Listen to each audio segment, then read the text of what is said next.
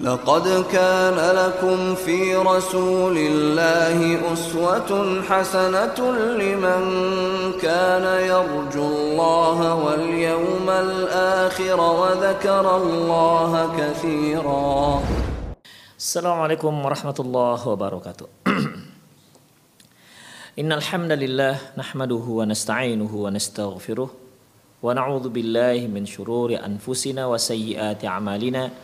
من يهده الله فهو المهتد ومن يضلل فلن تجد له وليا مرشدا أشهد أن لا إله إلا الله وحده لا شريك له وأشهد أن محمدا عبده ورسوله الذي لا نبي بعده وقال الله سبحانه وتعالى يا أيها الذين آمنوا اتقوا الله حق تقاته ولا تموتن إلا وأنتم مسلمون وقال عز من قال يا أيها الذين آمنوا اتقوا الله وقولوا قولا سديدا يصلح لكم أعمالكم ويغفر لكم ذنوبكم ومن يطع الله ورسوله فقد فاز فوزا عظيما.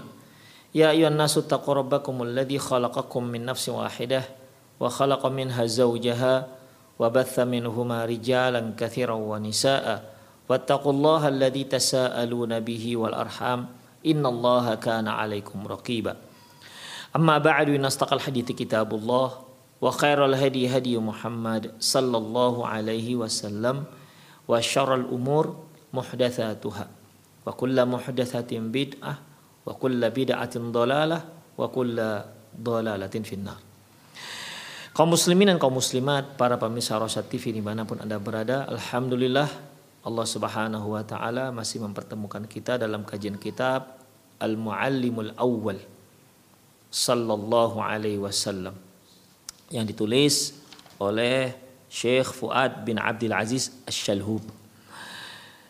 Kita sudah mempelajari uh, tiga poin terkait dengan karakter seorang guru, karakter seorang muallim atau karakter seorang pendidik ya. Seperti uh, al-ikhlas seorang haruslah ikhlas dalam belajar dan mengajar. Yang kedua, jujur. Yang ketiga yaitu hendaklah sesuai antara ucapan dengan perbuatan. Karena kalau tidak hal itu akan membuat rancu pada pemikiran murid-murid bahkan mereka tidak lagi mau mempercayai gurunya karena ucapan sang guru berbeda dengan apa yang dilakukannya. Yang diperintahkannya dia sendiri tidak melakukan dan yang dia larang dia sendiri yang melanggar. Ini satu hal yang sangat fatal ya satu hal yang sangat fatal dalam mengajarkan ilmu. Oleh karena itu ikhwah seorang guru pertama tentunya dia harus memiliki ilmu modal ilmu yang akan dia ajarkan kepada murid-muridnya yang kedua dia amalkan ya dia amalkan ilmu tersebut. Yang ketiga dia dakwahi. Demikian ikhwah. Karena dia ilmu sebelum dia amalkan lantas dia dakwahi ini akan membuat kerancuan.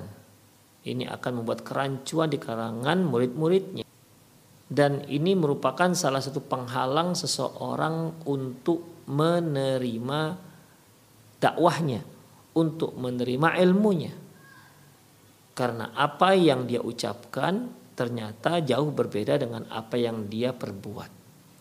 Oleh karena itu ikhwah, hendaklah kita sebagai guru, sebagai guru, sebagai ustadz, sebagai muallim, sebagai tenaga pendidik, termasuk pendidikan yang kita berikan kepada anak-anak kita. Maka posisi sebagai seorang ibu dan ayah, dia adalah sebagai seorang guru bagi anak-anaknya.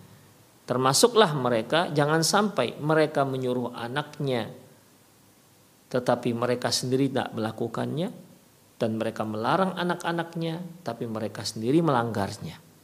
Ini satu hal yang akan sulit diterima oleh siapa pun baik dia anak kita sendiri maupun anak-anak uh, murid kita yang ada di kelas atau mungkin para pendengar yang ingin mendapatkan ilmu. Ketika dia mengetahui hal itu terjadi, tentu dia tidak percaya lagi dengan dengan uh, si guru tersebut. Kemudian ikhwah, selanjutnya yaitu karakter seorang guru hendaklah yang dia lakukan yang keempat al-adlu wal musawat, bersikap adil dan seimbang.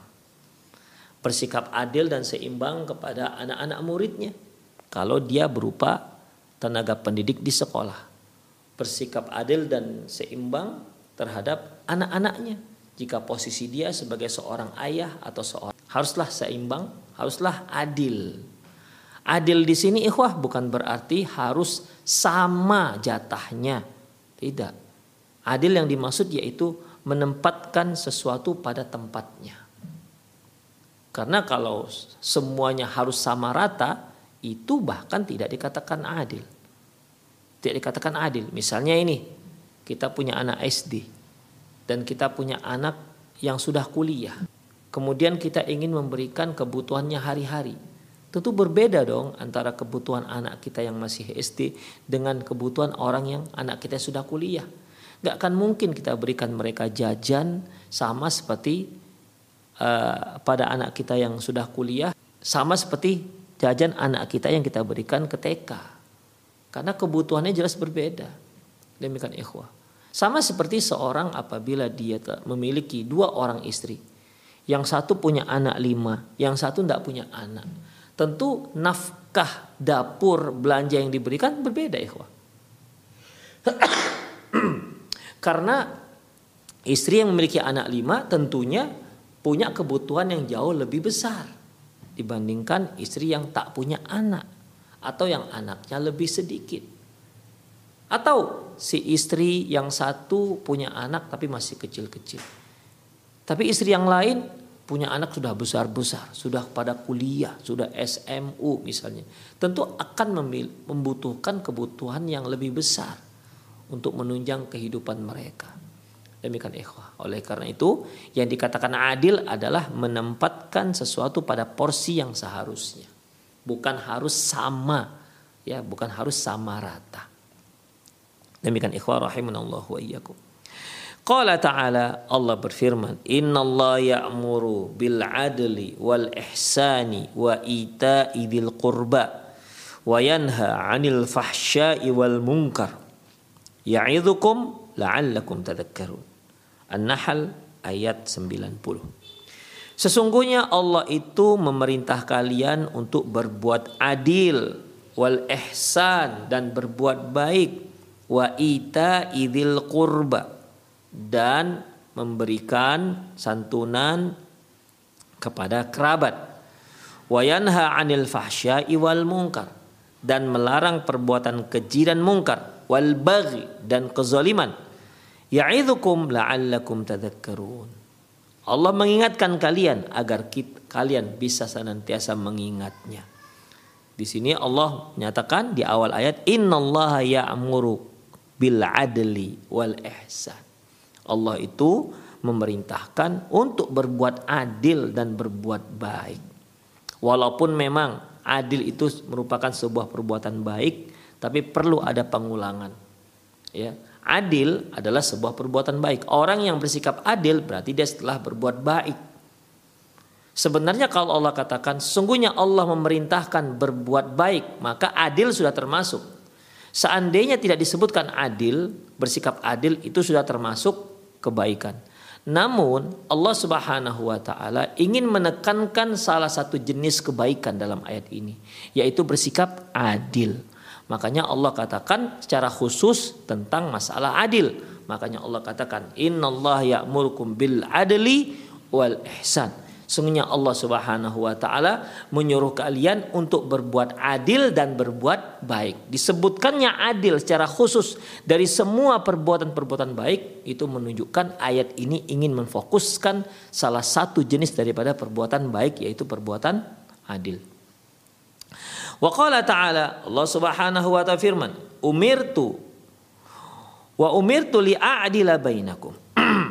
Asyura ayat 15. Aku diperintahkan untuk bersikap adil kepada kalian di antara kalian. Wa qala ta'ala Allah juga berfirman wala yajrimannakum syana'anu qaumin ala alla ta'dilu janganlah kebencianmu terhadap suatu kaum membuatmu bersikap tidak adil. I'dilu. Bersikap adillah kalian. Huwa aqrabu taqwa. Itu merupakan satu sikap yang lebih dekat kepada ketakwaan. Wattaqullah. Bertakwalah kamu kepada Allah. Innallah khabirum bima ta'malun. Sungguhnya Allah maha mengetahui atas apa yang engkau lakukan. Ikhwah rahimanallah wa iyyakum. Di sini Rasulullah Allah Subhanahu wa taala menekankan wala jrimannakum syana'anu qaumin ala alla ta'dilu. Janganlah kebencianmu satu kaum membuat kamu akhirnya bersikap tidak adil. Karena biasanya ikhwah, seorang kalau sudah muncul sifat muncul kebenciannya, kalau seseorang sudah benci ya, kalau seseorang itu sudah benci, maka dia akan dia akan lebih apa namanya kemungkinan besar dia akan melakukan sebuah kezoliman. Apalagi kalau dia seorang hakim yang akan memutuskan sebuah perkara. Sementara yang terdakwa ternyata orang yang paling dia benci misalnya. Bisa saja seharusnya dia difonis hanya dua tahun dia naikkan menjadi 10 tahun misalnya. Kenapa karena ke sentimen dia sentimental dia terhadap uh, terdakwa tersebut. Yang seharusnya hanya dua tahun dia beratkan ya dia putuskan dengan hukuman terberat yang di uh, yang di apa namanya yang di yang dipaparkan yang disebutkan oleh uh, sang penuntut umum. Demikian ikhwah. Gara-gara apa itu terjadi? Karena ketidaksukaan, kebencian sang hakim kepada terdakwa. Makanya ikhwah, Allah tekankan wala yajrimannakum syana'anu qaumin ala alla ta'dilu. Janganlah sampai kebencianmu terhadap satu kaum membuat kamu tidak adil. Dan itu bisa terjadi bukan hanya dalam mahkamah pengadilan, di kelas juga bisa, ikhwah. Mungkin ada salah seorang murid yang memang bandel, sudahlah bandel, kemudian susah menangkap pelajaran, sering buat onar di kelas. Kalau kena hukum, dia selalu ikut yang terkena hukuman, tidak pernah absen dari kena hukuman. Sehingga sang guru tidak suka dengan murid ini. Bahkan melawan lagi si murid ini. Sudahlah dia bandel, bodoh, kemudian uh, melawan. Semua sifat buruk ada pada dia. Tentunya ketika si murid ini berbuat kesalahan yang harus dihukum dan hukuman tersebut diserahkan kepada si guru yang membenci si murid ini, tentu dia akan berdasarkan kebenciannya itu dia akan menghukum si murid dengan hukuman yang seberat-beratnya. Dengan hukuman yang terberat. Dengan hukum yang terberat. Kenapa? Kenapa dia melakukan itu? Karena kebencian dia kepada si murid ini. Ya mungkin kalau seorang seorang murid yang bandel misalnya atau kurang pintar atau mungkin dia bodoh sulit untuk menerima pelajaran kemudian dia sering buat ribut di kelas ya itu standar lah. Tapi melawan guru ah ini ikhwah Melawan guru ini bisa membuat guru itu membenci. Ya. Bisa membuat guru itu jangankan dia sudah bandel, sulit menangkap pelajaran. Si murid pintar. Masya Allah. Pintar. Tapi dia melawan. Eh, tentu ini ikhwah membuat kebencian. Ya kita saja termasuk orang tua. Kita punya anak misalnya. Ada yang satu Masya Allah tidak begitu pintar-pintar kali. Tapi dia taat. Yang satu uh, pintar Masya Allah. Tapi dia suka melawan. Ya tentu cinta kita akan lebih kepada si anak yang taat tersebut walaupun dia nggak pintar-pintar amat. Demikian. Makanya ketika uh, ada perasaan sentimental terhadap sese seorang murid apakah dia murid kita di kelas ataukah murid kita di rumah dengan artian anak sendiri ketika kita harus menghukum makanya harus adil ya tidak boleh kita beda-bedakan antara orang yang kita benci dengan orang yang kita sayangi tidak diboleh. Demikian ikhwah. Wala yajrimannakum syana'anu qaumin ala alla ta'dilu. Jangan sampai kebencianmu terhadap satu kaum membuat kamu bersikap tidak adil. I'dilu huwa aqrabu taqwa. Bersikap adillah. Sungguhnya itu lebih dekat pada ketakwaan. Wattaqullaha innallaha khabirum. Ini surat Al-Maidah ayat 8. Selanjutnya waqala ta'ala wa idza qultum fa'dilu walau kana dza qurba. Apabila kalian berbicara bersikap adillah walaupun hal itu terhadap kerabat-kerabat dekat. Fafil ayatil ula ya'murullahu bil adli wa yujibuhu 'alal ibadi. Pada ayat yang pertama Allah Subhanahu wa taala memerintahkan para hamba dan mewajibkan para hamba untuk bersikap adil. Fal adlu alladhi amarallahu bihi yashmulu adlu yashmulu adla fi haqqih. Yang dimaksud dengan perintah Allah untuk bersikap adil yaitu mencakup adil terhadap haknya Allah. Ya, adil terhadap haknya Allah. Wa fi haqqi ibadati dan adil terhadap haknya para hamba-hamba Allah. Wa yu'amilul khalq bil adli at-tam bil adli tammi dan dia harus bermuamalah terhadap makhluk-makhluk Allah dengan keadilan yang sebaik-baiknya. Fayuaddi kullu walin ma alaihi. Oleh karena itu, seorang pemimpin haruslah melaksanakan setiap apa yang diwajibkan atasnya tahta wilayatihi terhadap orang-orang yang berada di bawah tanggung jawabnya apakah itu anak istrinya apakah itu murid-murid yang ada di kelasnya karena dia sebagai wali kelas misalnya atau dia seba atau murid-murid siswa-siswi yang ada di sekolahnya karena posisi dia sebagai kepala sekolah misalnya ya. Kemudian ikhwah sawaun fi dzalika alwilayatul imamatil kubro baik hal itu ada uh, terkait dengan wilayah uh, terkait dengan Eh, terkait dengan kekuasaan yang terbesar yaitu maksudnya kepala negara ya imamatul kubro wa wilayatul qudot atau dia yang bertanggung jawab terhadap mahkamah pengadilan. Wa nawabul khalifah atau dia sebagai pengganti khalifah. Bukan pengganti sih uh, apa namanya perwakilan ya sebagai wakil daripada khalifah ataupun pemimpin. Wa nawabul wa nawabul qudat atau dia wakil daripada hakim. Wa qis ala dzalika alwilayatu allati takunu lil muallimi ala tilmizihi. Anda bisa mengkiaskan, Anda bisa me, uh, Anda bisa mengkiaskan hal itu terhadap uh, tanggung jawab seorang guru terhadap murid-muridnya. Fa inna wilayatu ala tulabi bihasbiha. Sesungguhnya guru itu dia punya tanggung jawab terhadap murid-muridnya sesuai dengan peringkat-peringkatnya. Demikian ikhwah. Ya, misalnya ada seorang guru. Ada seorang guru dia diberi tanggung jawab untuk mengajarkan hanya dua atau tiga mata pelajaran, tiga madah misalnya. Tentu tanggung jawab dia akan berbeda dengan guru-guru yang mengajar tiga atau empat mata pelajaran. Tanggung jawabnya semakin besar. Dan akan berbeda lagi ketika sang guru itu sudah diberikan sebuah tanggung jawab sebagai menduduki tempat sebagai wali kelas. Demikian ikhwah rahimallahu wa iyyakum. Jadi dalam masalah ini tanggung jawab seorang guru itu sesuai dengan posisi jabatannya, sesuai dengan sejauh sebesar mana tanggung jawab yang diberikan pihak yayasan atau pihak sekolah kepada sang sang guru. Wafil ayatis saniyati. Jadi maksudnya di sini ikhwah rahimanallah wa iyyakum. Apabila seorang presiden harus bersikap adil kepada rakyatnya. Seorang hakim harus bersikap adil memutuskan perkara dengan cara yang seadil-adilnya. Maka seorang guru juga harus bersikap adil terhadap murid-muridnya. Harus bersikap adil dalam menetapkan sebuah hukuman dalam memberikan sebuah penilaian. Demikian ikhwah. Demikian juga termasuk dalam perkara punishment yaitu pemberian uh, hukuman ataupun dalam perkara reward yang memberikan hadiah untuk yang berprestasi. Ini juga harus adil.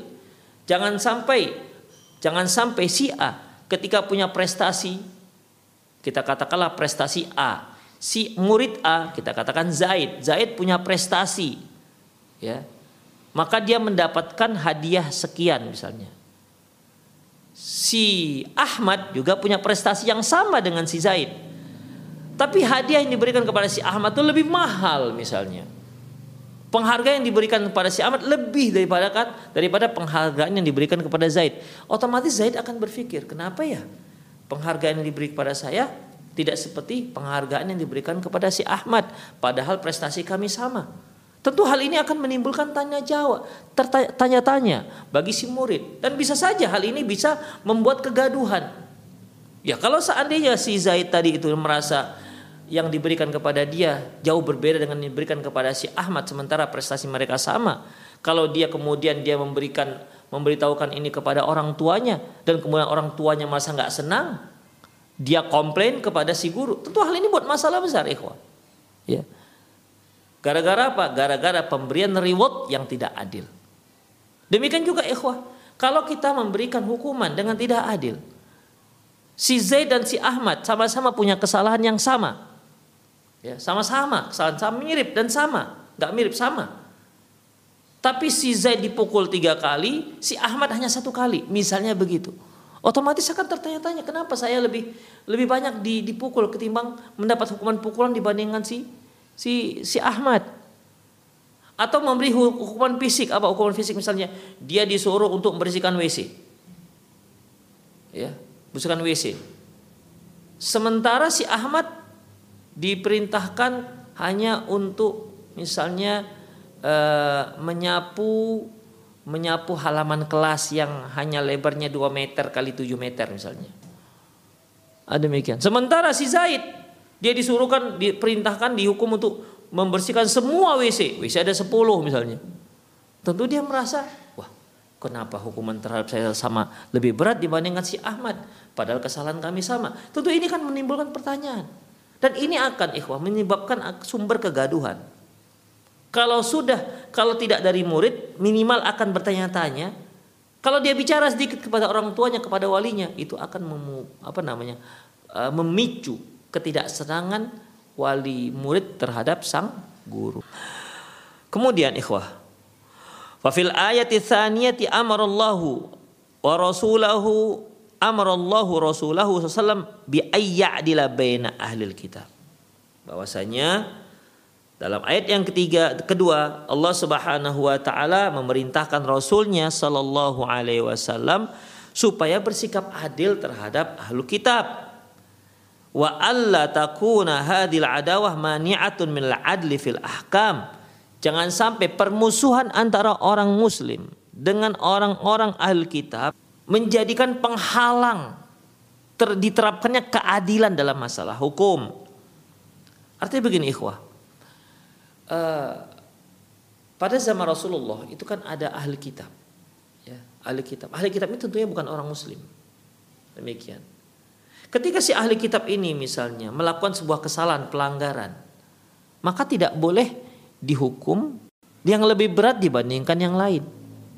Kita contohkan saja di sana ada orang Nasrani dan di sana ada orang Yahudi.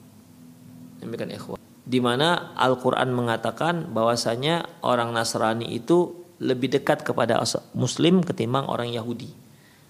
Dendam Yahudi itu lebih kusumat terhadap orang muslim ketimbang orang Nasrani.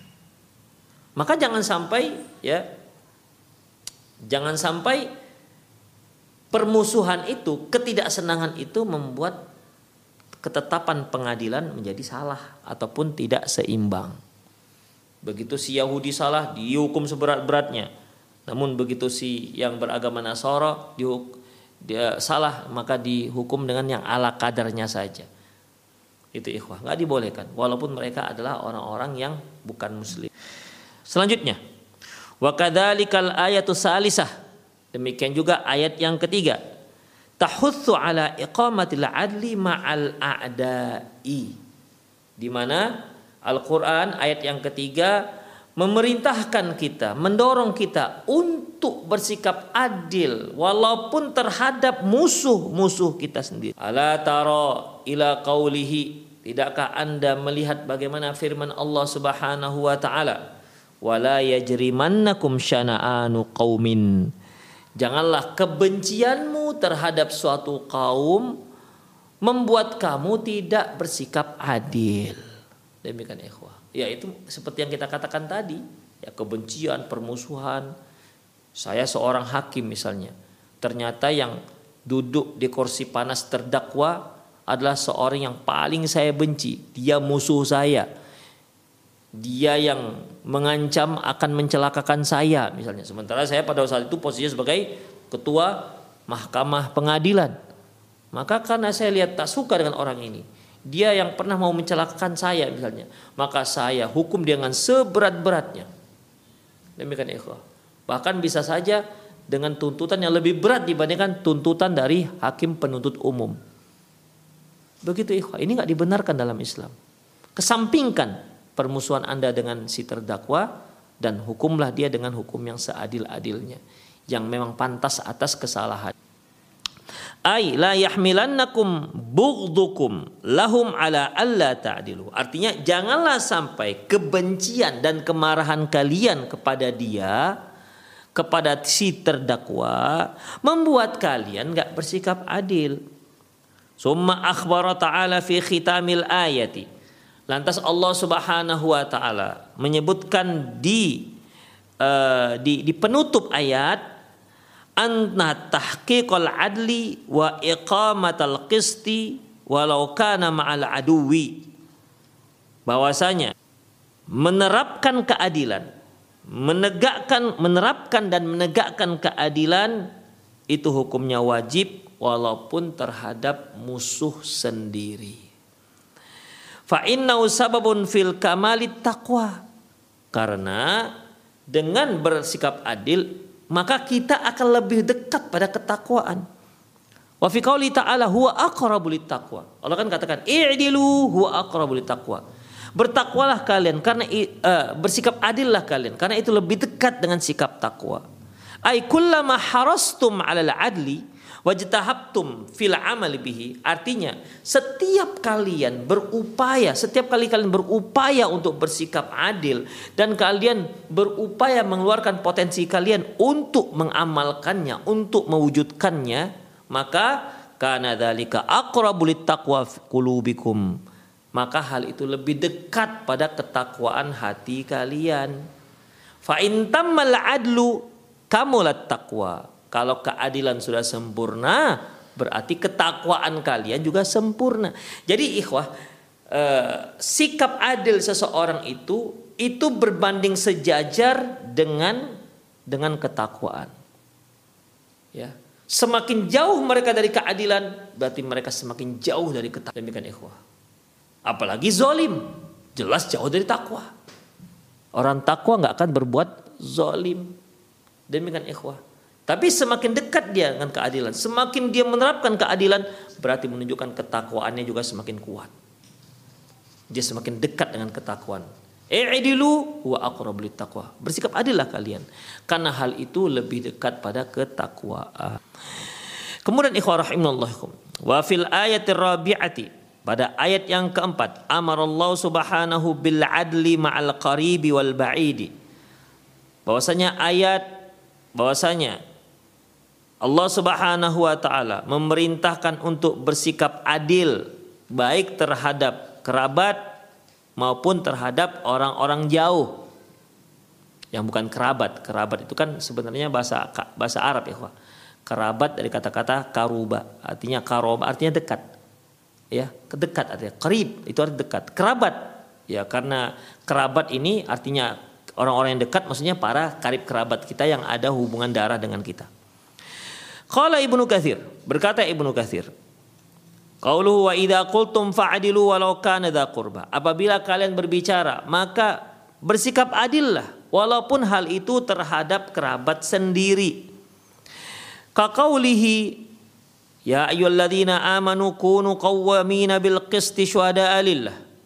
Wahai orang-orang yang beriman, tegakkanlah keadilan itu dengan sebenar-benar tegak syuhada alillah dan jadilah kalian sebagai saksi karena ikhlas karena Allah Subhanahu wa taala.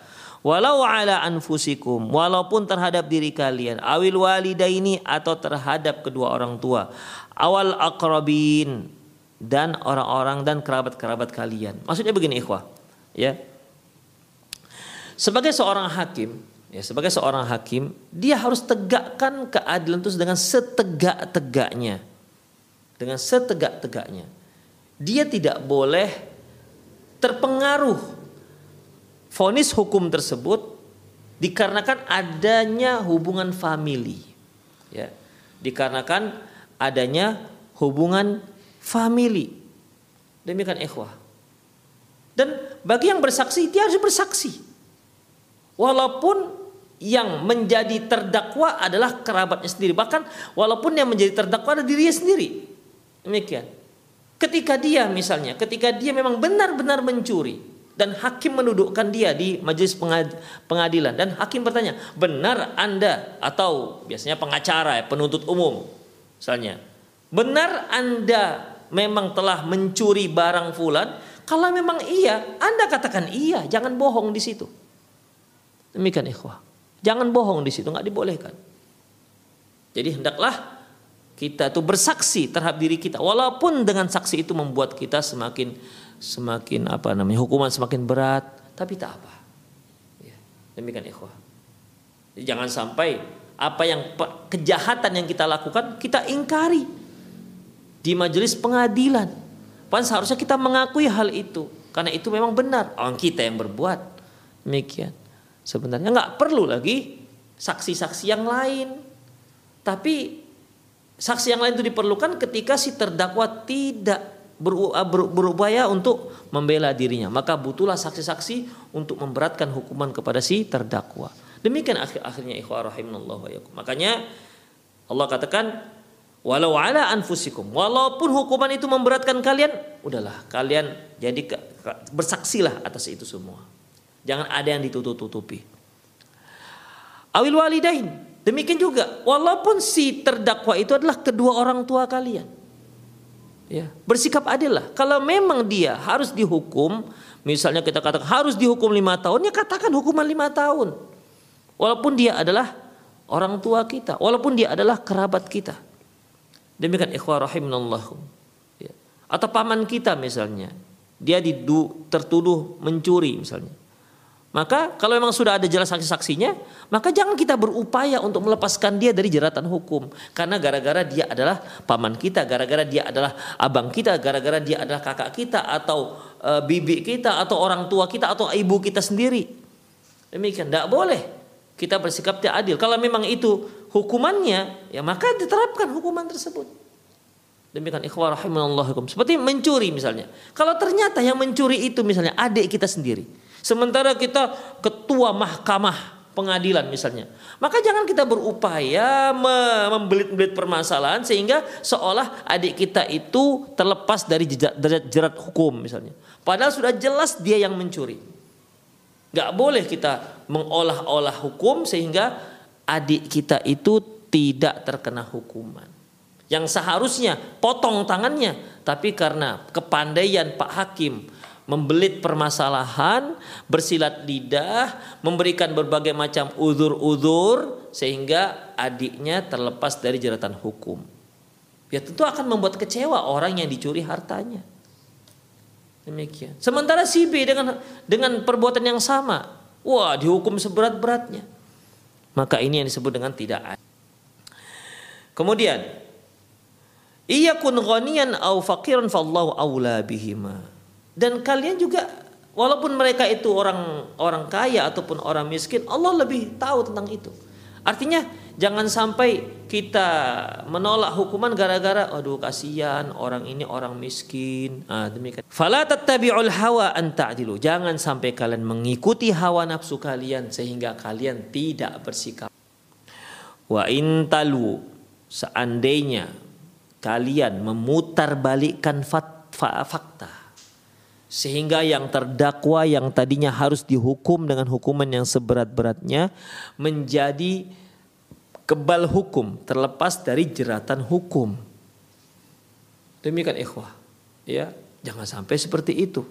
Yang memang dia sudah jelas dihukum ya harus dihukum. Itulah dia ikhwah. Ya.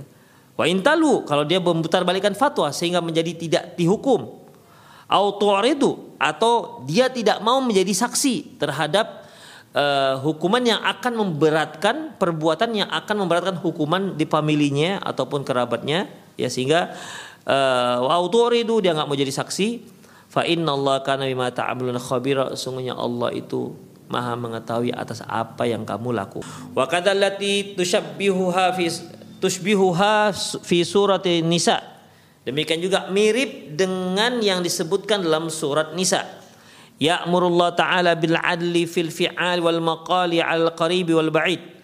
Allah Subhanahu wa taala memerintahkan kaum muslimin untuk bersikap adil baik dalam perbuatan maupun ucapan baik itu terhadap orang-orang terdekat ataupun kerabat karib kerabat maupun terhadap orang-orang yang jauh maksudnya tidak mem, tidak memiliki hubungan kerabat Wallahu ta'ala ya'muru bil adli kulli ahadin fi kulli waqtin wa fi kulli halin. Dan Allah Subhanahu wa taala memerintahkan kita untuk bersikap adil di setiap waktu dan di setiap kondisi.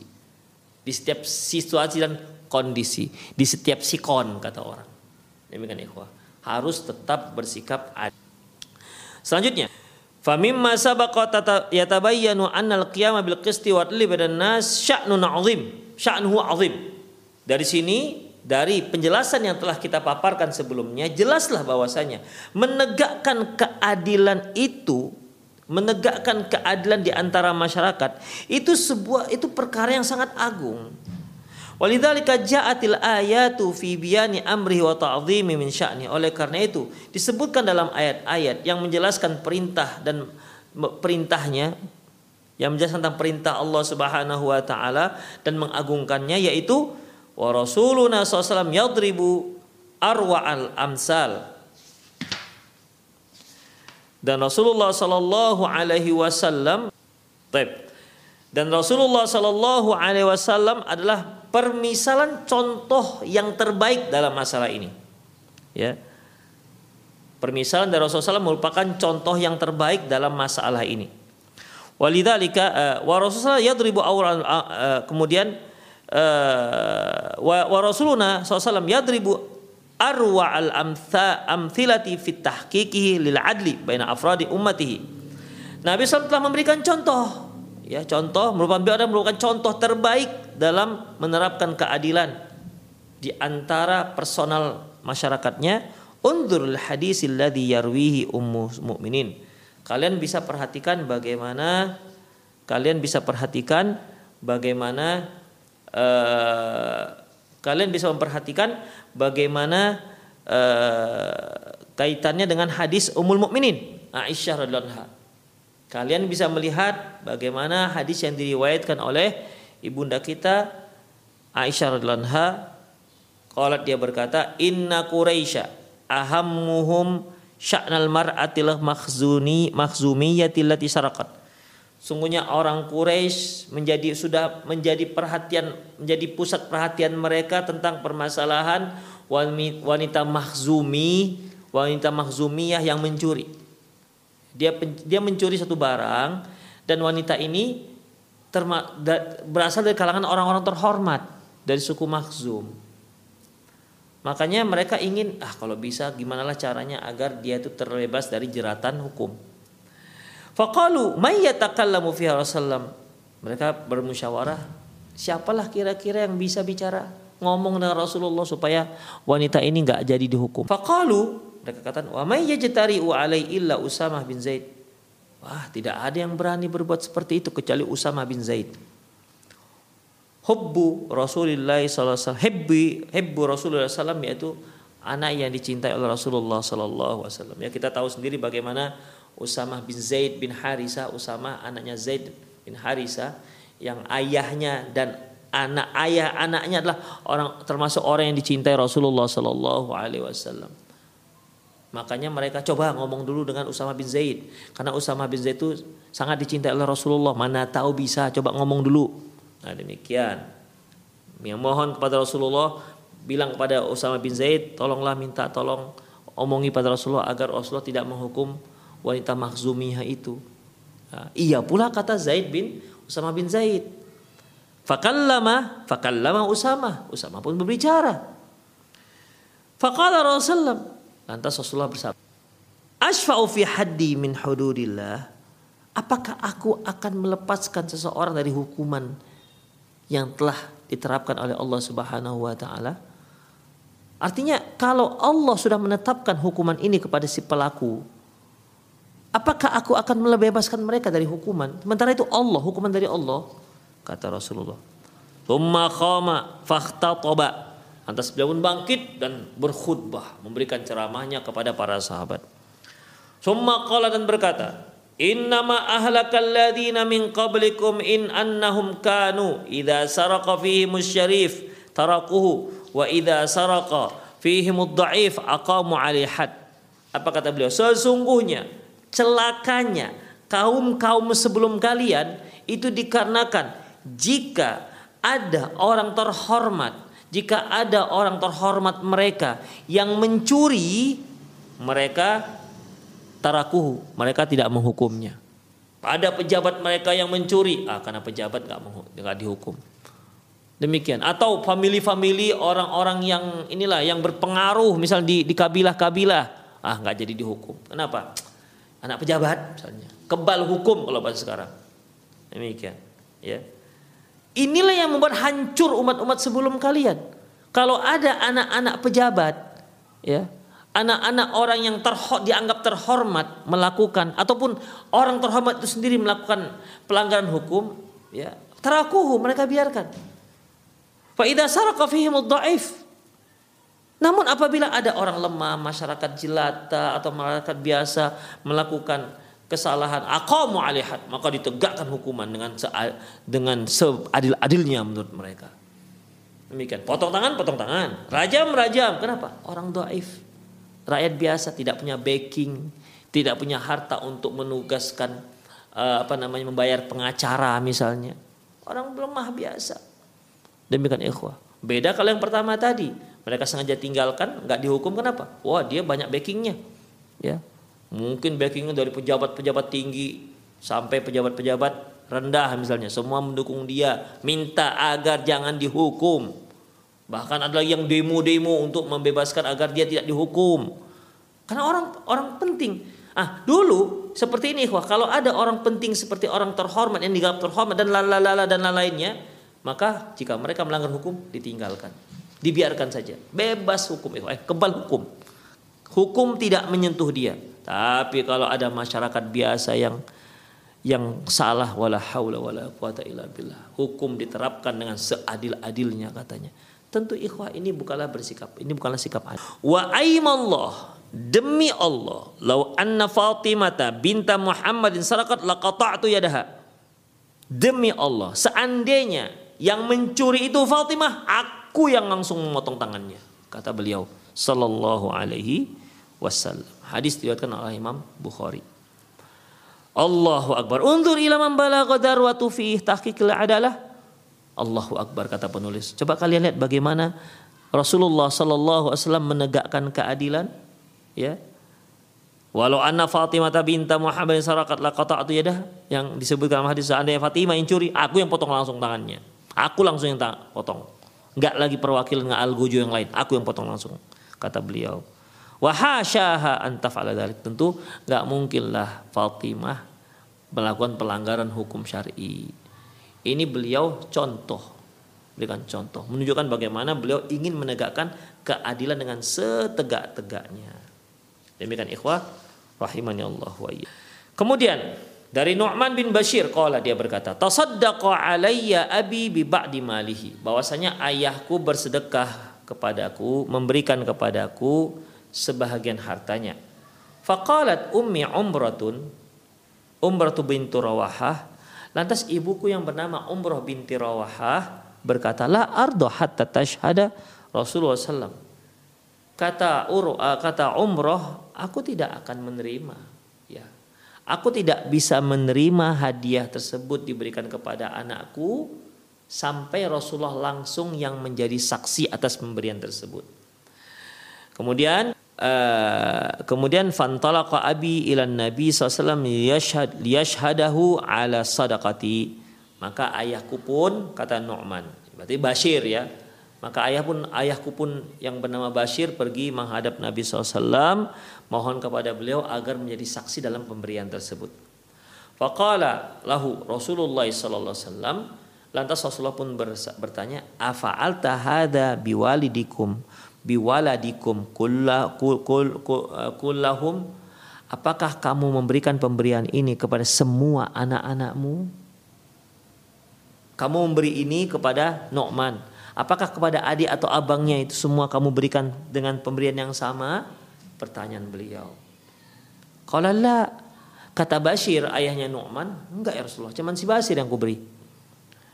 Qala ittaqullah i'dilu baina auladikum. Kata beliau, bertakwalah kamu kepada Allah, bersikap adillah kamu kepada anak-anakmu, kata beliau.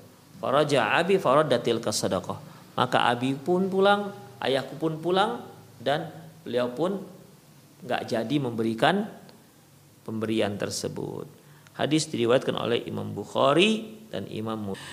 Wajah fi riwayat al-ukhra dalam riwayat yang lain disebutkan Fala tashhadni idan. Kalau begitu jangan ini Rasulullah mengatakan kepada Bashir ya, kepada Bashir ayahnya Nu'man. Kalau kamu tak berikan, kalau yang kamu berikan hanya kepada Nu'man saja, yang lain enggak, maka jangan engkau jadikan aku sebagai saksi seperti ini. Fa inilah asyhadu ala jur. Aku tidak mau menjadi saksi atas sebuah perbuatan buruk. Demikian ikhwah rahimanallah. Kenapa demikian? Karena dia tidak tidak bersikap adil. Tapi wah itu saja kajian kita pada sore hari ini. Insya Allah akan kita lanjutkan lagi pembahasan masih dalam masalah al-adwal musawat, keadilan dan keseimbangan yang merupakan salah satu karakter yang harus dimiliki oleh seorang oleh seorang guru di saat dia memimpin anak-anak muridnya di kelas atau di tempat privatnya atau memimpin anak-anak didiknya yang ada di rumahnya yaitu anak-anaknya sendiri. Semoga Allah Subhanahu wa taala memudahkan kita untuk mendapatkan karakter yang mulia ini. Demikian ikhwah, aku lu qauli hadza wa astaghfirullah li wa lakum wa lisal muslimin innahu wal ghafur rahim. Subhanakallahumma wa bihamdik, asyhadu an la ilaha illa anta astaghfiruka wa atubu ilaik. Wa sallallahu ala nabiyyina Muhammad wa ala alihi wa ashabihi ajma'in. Wa akhir da'wana alhamdulillahirabbil alamin. Assalamualaikum warahmatullahi wabarakatuh.